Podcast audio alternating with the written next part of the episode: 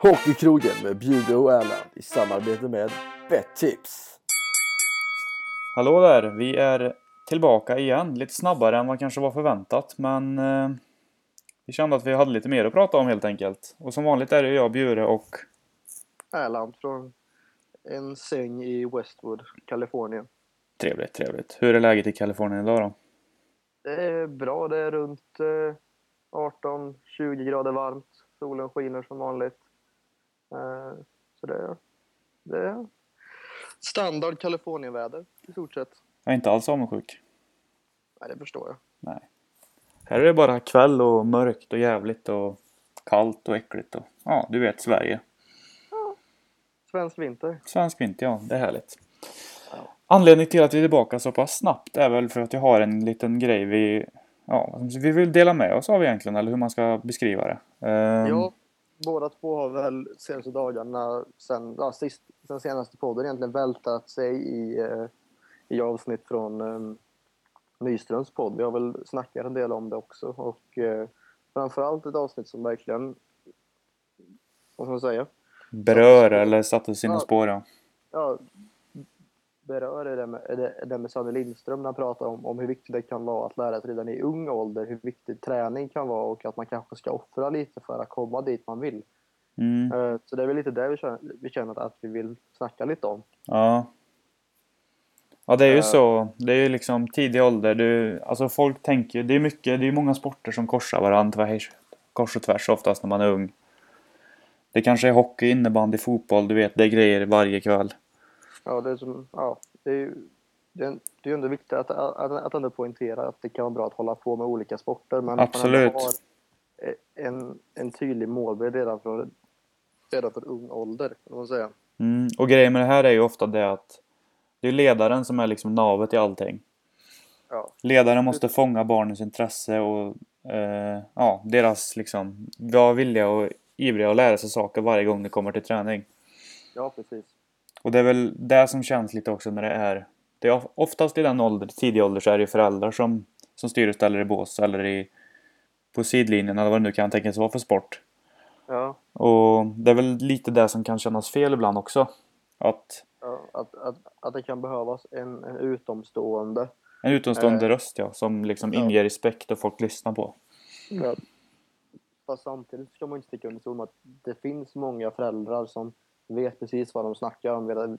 Vi hade en, när jag spelade pojklagshockey som heter Mattias Åhlberg som var liksom, han var han var grymt bra på, på just den som pedagogiska biten med oss med att, med att få oss att förstå hur viktig även en spelare som kanske inte är den snabbaste på skridskorna, som kanske inte har bästa tekniken, som kanske inte har bäst spelsinne, men hur viktig han kan vara för laget ändå, att, göra, att bidra med någonting. Mm. Och jag tror att det, att, att det är just det som ungdomstränare borde fokusera mer på än att kanske få dem att... Eh, ja, men att, att, än att kanske lyfta fram de som är duktiga och kanske, och kanske ä, ä, även mer det än att vinna matcher. Att förstå att alla är viktiga för laget och på så sätt vinna istället för att bara liksom gå ut med att vi ska vinna och det är liksom de här som ska göra och du som är lite sämre, du får kanske inte vara med för att de här är bättre än vad du är. Utan att istället då låta honom som kanske sitter där eh, och inte känner att nej men jag har inte lika bra handledare som han sitter bredvid mig. Han kanske ändå, eh, ändå kan bidra med att kanske spela fysiskt, med att kanske ställa sig framför kassen, med att kanske bara vara med och peppa de andra och, och föregå med ett gott exempel genom att täcka skott eller, eller, eller vad det nu kan vara. Att få alla att hitta sin roll i laget Mm. och, få, att, och ändå få dem att acceptera att, att, att acceptera sin roll.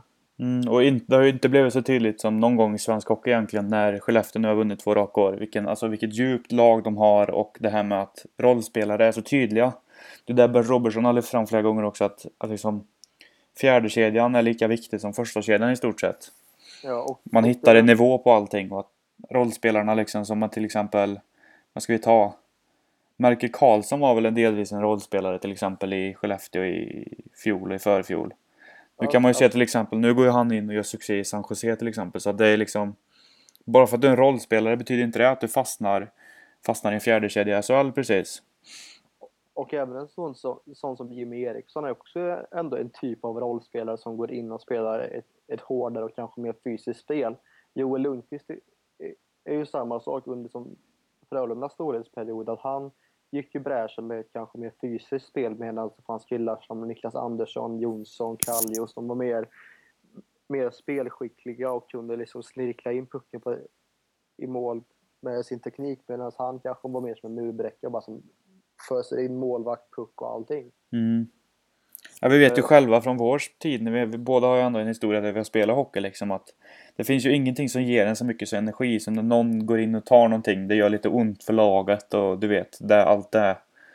Ja, precis. Och, och, och kollar man på, på alla lag som, har, som har haft en form av dynasti i till exempel SHL så har de ju haft de här rollspelarna. Till exempel om man tar Färjestad under början av 2000-talet. Man hade som en leading line med Jönsson, Nordström, Prästberg eh, som, var lite, som var lite skickligare men som ändå kunde göra skitjobb. Ja, Och sen kanske man hade till exempel 06 i i ett ypperligt exempel när man har de här toppspelarna och sen så har man en, en kedja med Ledin, Kåberg och Mattsson som verkligen kan gå in och bara grisa ett helt byte och, och tillföra energi och sno energi från, de andra, från, från eh, det andra laget.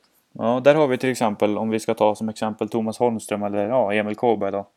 De har ju inte, Holmström till exempel, han kom ju inte på NHL på grund av sin glimmande skridskoåkning eller hans fina teknik utan det var ju verkligen hans hårda jobb framför kassen och hans slit för laget helt enkelt som, han har ju gjort en del grymt många mål tack vare att han var så pass stark framför kassen och hade den här Ja. näsan för att ändå hitta returer och allt.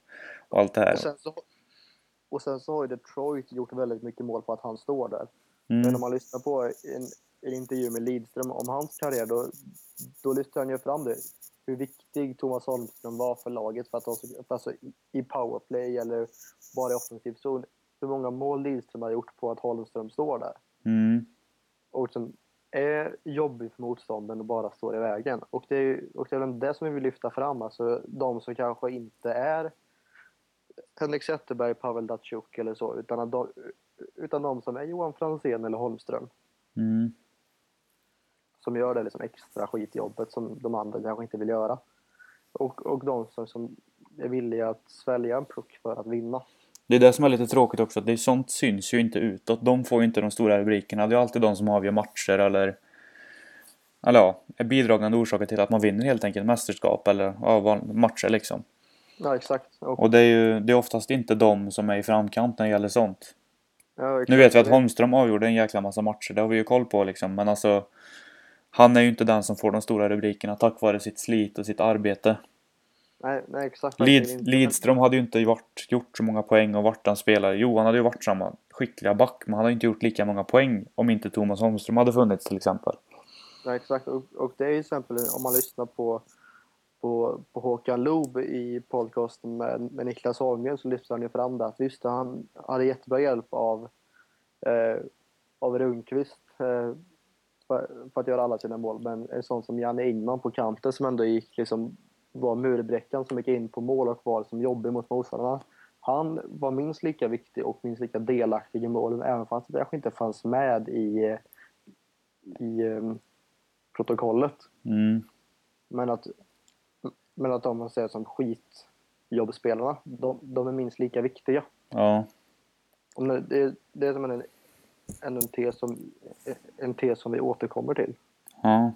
Men är vi, är vi för mjäkiga i svensk hockey? Lär vi ut för, för dåligt helt enkelt? Alltså, för om man tittar på om man tittar på juniorhockey, alltså visst det går ju bra mycket fortare än SHL men det är ju ingen liksom, alltså det här killerinstinkten, gå på kassen och allt det här det Om man tittar på en kanadensisk juniormatch mot en svensk juniormatch, det är ju som natt och dag. Ja, fast det är väldigt mycket skillnad på spelstilar också. Alltså, svensk hockey har ju, har ju varit och är mycket mer att du ska hålla i pucken kanske någon extra sekund och hitta den där passningsvägen istället för att som det kan vara i Kanada, att du ska lägga den på mål. Du ska ha minst en kille som störtar in på returen och ska liksom vara där och, och vara jobbig. Mm. Jag känner att i svensk hockey har vi inte haft, haft och vi har inte den traditionen av de utmärkta, av de utmärkta rollspelarna. Nej. Eh, Men sen får vi inte fram dem heller som vi inte lär ut på det sättet. Nej, definitivt inte. Eh, Men jag, jag minns när jag var liten och, och, spelade, tror jag typ så här 08 när, när Detroit mötte Färjestad i, i eh, Löfbergs arena. Ja. Eh, Så, så träffade jag liksom min, min coach innan matchen, han sa att eh, skit i att kolla på Zetterberg, Datsjuk och de grabbarna som, som du vet vad de kan. Du kan kolla på Youtube på dem. Kolla på Thomas Holmström, för det är ändå så vi spelar. Mm. Lär dig av honom vad du ska göra. Ja. Och det var liksom ändå en, en ögonöppnare för mig. Bara, ah, jag kan kolla på honom istället och, och lära mig av det. För, det. för det ligger närmare mitt spel. Och det tycker jag att fler coacher ska göra. Att de, istället för att kanske lyfta fram Patrick Kane i en, i- en Chicago-match lyfter de fram en sån som kanske Andrew Shaw som är en mer grovjobbande spelare för, för den som behöver det. Så man, så man ger honom en, en förebild som han kan lära sig av att, att spela sitt spel. Chansen är ju större att du kommer ha samma spelstil som Andrew Shaw än samma spelstil som Patrick Kane. Ja, det är ju, ja, det är ju två ändå krävande spelstilar men den andra är kanske, den ena är kanske enklare än den andra om, om du inte har den, den naturliga talangen och fallenheten för det. Mm. Och det känns ju så också att alltså, det man lär ut nu för tiden, i, alltså ungdomar och små, alltså småttingar, det känns som att man lär ut, det ska vara lite för vackert, det ska vara lite snyggt hela tiden. Det, ska inte, det gör inte riktigt ont, om du förstår vad jag menar. Det är liksom, de, här riktiga skitmålen, de, liksom, de händer, alltså, det händer alldeles för sällan. Så är det. Mm. Och det är lite synd det. Ja, Och det är väl det med, det är väl det med spelidé också. Om man går in och kollar till exempel landslagets spelidé, då ser man ju att det är mycket vårda puck och det liksom, det är inte kasta iväg i onödan och allt det här så att man vill ju lära ut och man har ju ändå en spelidé som alla liksom, alla som går de här ledarutbildningarna i en svensk ishockeyskola får ju lära sig på samma sätt. Så ska vi lära ut hockey i Sverige. ja. Sen får man ändå, man kan ju inte sticka under stol med att svensk hockey de senaste tio åren har varit fantastiska på att få fram talanger till NHL, få fram talanger till SHL. Vi är ändå, led, vi är ändå världsledande och ändå rankade som etta i, i Europa, ja.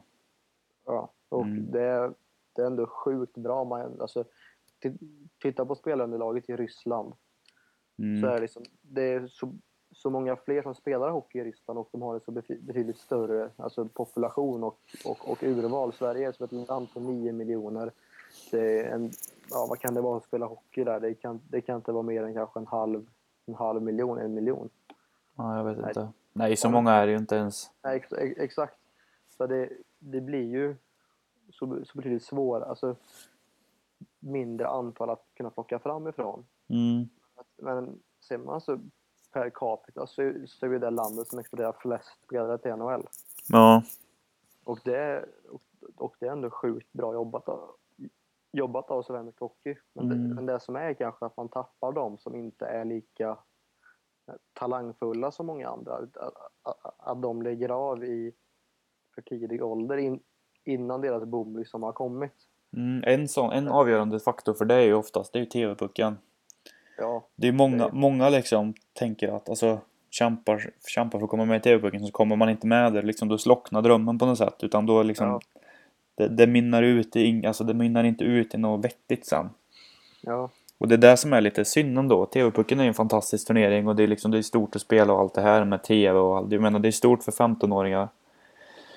Men eh, det, det svåra liksom med svensk hockey att troligtvis så sållar det bort mer än vad man vinner egentligen.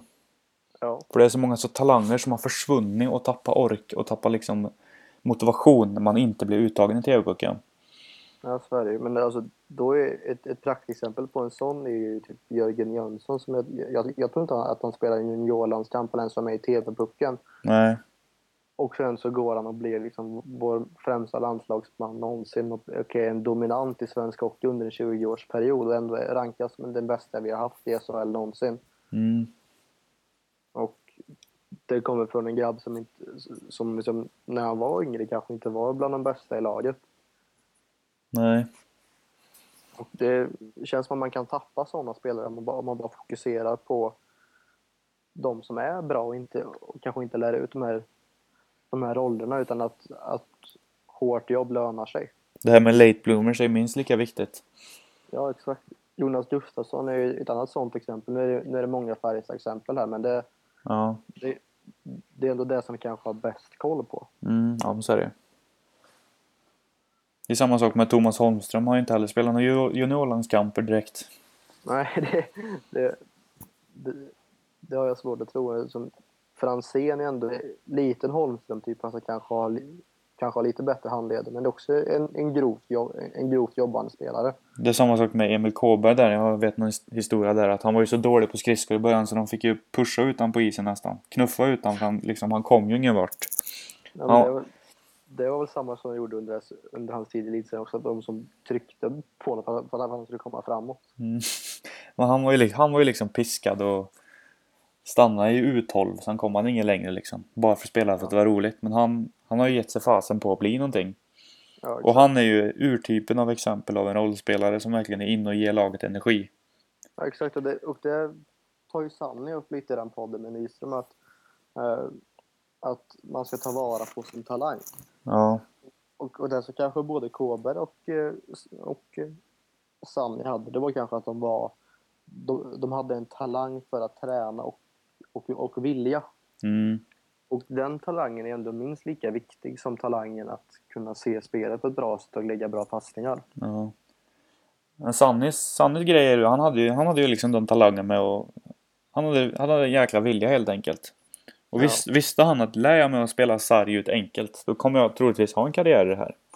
Ja, Då har jag en chans för att jag har, jag har liksom så pass stark vilja att ge mig fan på det här, då kommer jag lyckas.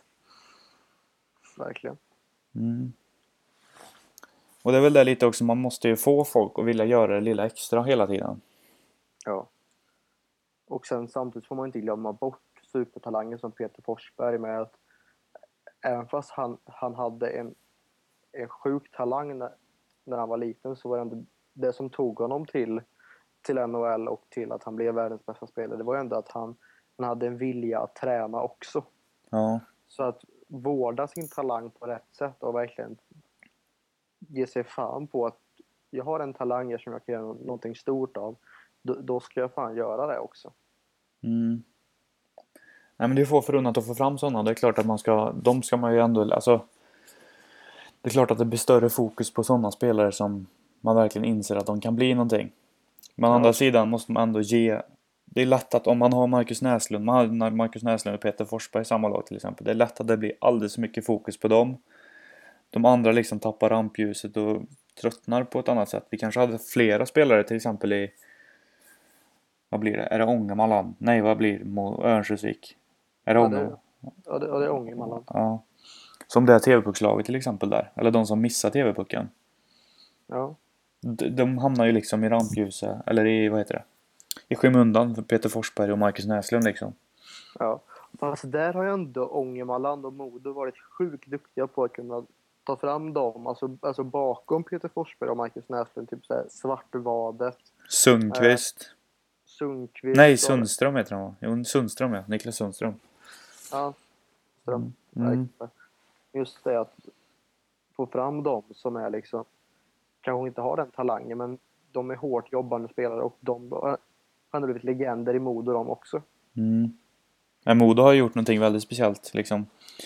Fått Ja. fram Foppan, Näslund, Sedinbröderna, Viktor Hedman nu till exempel. Ölund kommer också därifrån? Eller han Mm. kanske är från Ja, han är därifrån också. Liksom, listan bara fortsätter och fortsätter och fortsätter ju. Ja. Och, det Det, och, det, och det är lite det som Skellefteå gjort nu också med att de får fram en jävla massa talanger och det är de klubbarna som, som som gör något rätt liksom med, sin utbildning och det är nog dit man ska kolla. mm. Men Skellefteå har ju ändrat, det är väl mycket att de har sagt att de har väl ändrat om sin träning också liksom. De, trän, de, de tränar lite mer osvenskt. De är mer vältränade. De åker mer skridskor. Skellefteå är väl den klubben i Sverige som är bäst tränade. Ja men så är det ju. Att, att orka prestera på den höga nivån match efter match efter match efter match, månad efter månad. Mm. Det, det är det som skapar, alltså skapar man goda vanor så skapar man ju en, en vana för att vinna. Ja, men så är det. Och det, och det är därför man, man, man har klubbar som liksom år efter år kan, kan studsa till och, och vinna som ett SM-guld. Mm.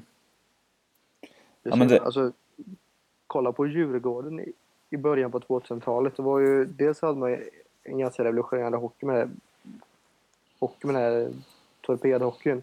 Mm. Men att man lyfter fram killar som Tjärnqvist, eh, Fimpen och eh, Ottosson, liksom, att de kom in och tillförde någonting mer än vad kanske de som är spelskickliga gjorde.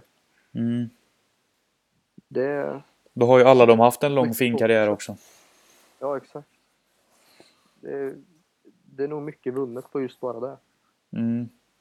Och sen är det ju det här mycket med att alltså en organisation när den väl har kommit över ett guld, när man har vunnit ett guld, man har vunnit det första. Då vet man liksom inom organisationen vad som krävs. Vad ska vi lägga resurser på? Vad krävs i ungdomssatsning? Vad krävs liksom i allt? Man får liksom en bild Ja. på Och allting. sen, och sen får man ju inte fastna i det heller att, att, att det man gjorde för tio år sedan kanske inte funkar längre. Och det kanske är det som en sån klubb som Färjestad och, och kanske HV också har, har fastnat i att man ja, man, man har alltid gjort så här och det, och det har gått väldigt bra för dem under en period men att, men att hockeyn kanske har sprungit ifrån dem och där håller ju HV just nu på med en ny satsning. Med Andreas Johansson ja. Ja, och kanske det man behöver göra i Färjestad också. Färjestad har alltid spelat det här uh, trap-spelet, stänga mittzon, riktigt styrspel. Ja, den där ryggsäckshockeyn som var skitbra under början på 2000-talet och mitten på 2000-talet. Mm. Men som nu på senare år har kanske blivit ifrånsprungen just i seriespelet. Sen i slutspelet när det handlar om att vinna så kanske det är den mest effektiva hockeyn. Ja. Men det är inte den roligaste hockeyn, kanske inte den mest moderna hockeyn att spela. Ja men så är det ju. Och men å andra sidan om man har en riktig, alltså som Skellefteå hade ju till exempel i fjol Färjestad ställde upp i styrspel och Skellefteå hade farten och allt det här i, i finalspelet. De hade ju inte en chans Färjestad. Nej, de, de, var ju chanslösa. Skellefteå åkte ju sönder dem liksom. Ja, Och det är ju framtidens hockey, det är ju så det är. ja, Och det är väl dit alla vill komma egentligen men det är ju det är så svårt på ett sätt också för att det krävs så mycket av varje enskild spelare. Det krävs alltså liksom sex pass i veckan kanske måste bli åtta till exempel på sommaren. Utan det, alltså det, det är någonting extra varje spelare som krävs. ja ja, exakt. Och, och, och få varje kille att inse att det, det är det här jag måste göra för att vi ska kunna stå där i, att, där i april med guldhjälmar. Mm. Och det, det börjar ju inte när man är 15 utan det kanske börjar när du är 10 år att inse att du måste göra lite extra. Du kanske måste jobba lite mer varje, varje månad liksom. Mm. Men det handlar ju om en mognad också. Det är inte många som förstår att det jag gör nu kommer gynna sig i framtiden. Nej, absolut inte. Det, det, är det säkert inte. Det är ju få förunnat att ha den mognaden också. Ja, exakt. Och det är ju upp till, det är upp till ledare också att inse att är en killen så mogen så är det liksom Då ska man verkligen inse, alltså då måste man lära killen i tidig ålder för att har man en sån mogen kille och ändå har talang då är det ju ypperligt tillfälle. Då är det mycket upp till ledaren också att få killen att förstå. Ja, pusha honom liksom att nej men gör det här extra så kommer du, så kommer du kunna komma hit istället. Mm. Gör liksom maxa din talang så mycket det bara går. Ja, men så är det. Men är vi för dåliga i tidig ålder att lyfta fram de som är duktiga? Nej, det, det tror jag inte. Vi, vi är för dåliga på att lyfta fram bredden. Mm. Vi, vi är jätteduktiga på att lyfta fram de som är superbra under, alltså, när de är små. Men liksom när man var liten och mötte liksom Delarose som ändå spelar i Montreal som är, är, är, ett exempel på någon som verkligen har vårdat sin talang och jättebra. Mm. Man, han var liksom en stor stjärna redan då och man hade jättestor respekt för honom. Mm. Eh, Det som är speciellt med Delarose också, han var ju back i tidig ålder. Ja. Men just att man kanske istället, alltså vad har vi mer för exempel? Att man lyfter fram dem som kanske är under honom och kanske inte är lika bra, men att man lyfter fram dem ändå också. Så att skuggan som faller på dem kanske inte, li- kanske inte lika stor. Vi har ett annat roligt exempel där som har Delarose ändå har dragit med lite. Du vet Delarose radarpartner Victor Lang. Ja, Han är ändå nominerad tror jag nu till Guldgallret i de bästa junior i Allsvenskan, så det är också lite roligt så. ja. Det, det visar ju på att man gör någonting rätt i, Mm. i eh, Leksand på, på att ta vara på de supertalangerna som man får med, i typ så här Filip Forsberg och Delaros och Lang och så. Mm. Yes. Ska vi avsluta eller? Ja. Eller har du något mer du vill ta upp? Någon anekdot kanske som du brukar? Nej, jag tror inte jag har någon anekdot på det här. Uh, an- anekdoten som jag hade var väl just det när jag träffade coachen i Löfbergs inför Detroit Färjestad och han berättade att jag skulle kolla på det här istället för att kolla på, super, på superstjärnorna. Mm. Det vi kan ge tips till coacherna är att släpp, släpp lös Allihop, eller vad man ska säga. Ja, få, få alla att inse att, att, att rollspelare kan vara lika viktiga som superstjärnorna. Alla är, viktiga, alla är lika viktiga i laget. Alla Ja. spelar sin roll, allt har liksom, allt har en påverkan på det slutgiltiga resultatet. Ja, man är ett lag och alla ska ändå bidra då. Mm, så är det Det är väl det som ändå tesen som vi har här, att alla, att alla är lika viktiga i ett lag och, och, att få, och att få alla att förstå det. Och det är det som är så skönt med lag också, när man väl spelar i lag som först förstår det. Alltså det här med att spela ett lag, omklädningsrum, snacka i omklädningsrum, allt det här, det är inget som slår det. Absolut inte. Det är ändå någonting som man saknar när man har lagt av med en, med, med, en lagidrott. Jag tänker att det, jag kan tänka att du saknar ännu mer med tanke på att du tvingades att lägga av på grund av en annan sak än jag som tappade sugen. Mm. Eh, Så det är väl det, det, är väl det vi vill lämna er med. Kanske, kanske även ge tips till, eh, till de ungdomstränare, om vi nu har någon sån som lyssnar på det här, att, att lyfta fram de som inte är lika bra som alla andra. Mm. Och, och, och få dem att inse att, de, att, att alla är lika viktiga. Mm, men så är det Sen det är samma som det man lyssnar på när Sam Lindström säger det, han saknar mest från hockeytiden. Det är liksom tugget i omklädningsrummet. Ja. Det kan jag känna också att det, att, att jag också sakna lite. Man har ju alltid så jävla roligt ihop och det är det som är liksom, det övervinner ju allt egentligen. Ja, det gör det. Man, man blir ju som en liten familj med liksom att man har 23 kompisar runt omkring sig och alla vill ändå göra samma sak. De vill vinna matchen. Mm. Det är bara att, att, att alla har, har olika sätt att bidra, att, att bidra till att man vinner den. Och sen en annan speciell grej också, det här med att det är för, först vid uppvärmning och allt det här, det är, så, det är så löst avslappnat och allting och sen helt plötsligt är det liksom, det är som att trycka på en knapp så är det fullt fokus. Ja, det... Det är också en sån här speciell grej egentligen. Ja, Alla har, alla, alla har sin egna bubbla. Alla har sina liksom, nu hade inte jag, hade inte jag fått några tics eller vad man ska kalla det, den här superstition som de kallar det, men det är många i det här, det är liksom som Crosby till exempel, han tejpar ju sin klubba inför varje match och lägger den på sitt plats liksom. Rör folk den så blir han ju irriterad typ. ja, Och det är knyta skridskor, höger skridsko före vänster och tejpa på ett visst sätt och lyssna på samma låt. Vissa Ja. har ju till och med att mössan ska sitta åt samma håll. Alltså du vet, det är ju massa såna här knäppa grejer egentligen. Sen, sen hörde jag från, det var någon intervju med någon NHL-spelare, jag kan vara typ så här, Henrik Lundqvist sommarprat, han berättade att han kan sitta i, inför match och kolla på klockan och veta exakt vad, vad folk runt omkring sig gör. Mm. Med att typ, ja, nu, nu är han på toa, nu gör han det, nu gör han det, nu gör han det liksom. Och man, man, vet, man skapar vanor för att vinna. Man skapar, och, men det är liksom, det är ändå det som på något sätt är, är, det centrala, slutet, att man ska vinna. Det är en annan skön grej jag lyssnade på. Jag vet inte om det var Eric Stahl eller Aaron Ward i alla fall. Det var i Carolina. Han kommer ju till hallen i sin kostym liksom. Nyduschad hemifrån allting. Det första, han Ja. gör, det första han gör när han kommer till hallen. Tar av sig kostymen, tar på sig träningsoverallen.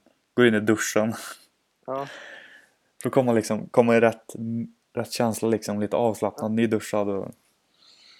Det är en massa såna här konstiga grejer. Det är samma som med Corey Perry där. Har du sett det när han slår på dörrkarmen? ja, innan han går ut. Också så här han slår. Och sen Lundqvist han slår ju om det är i väggen eller man slår. Typ så här, en gång inför första perioden, två för andra och tre för sista liksom. Det är massa såna här underliga grejer. Det finns något klipp också tror jag på, på Youtube där eh, där vad heter det så, eh, där folk pratar om liksom vad de har för såna här för tics-grejer för sig. Väldigt intressant faktiskt. ja. Det är mycket sånt.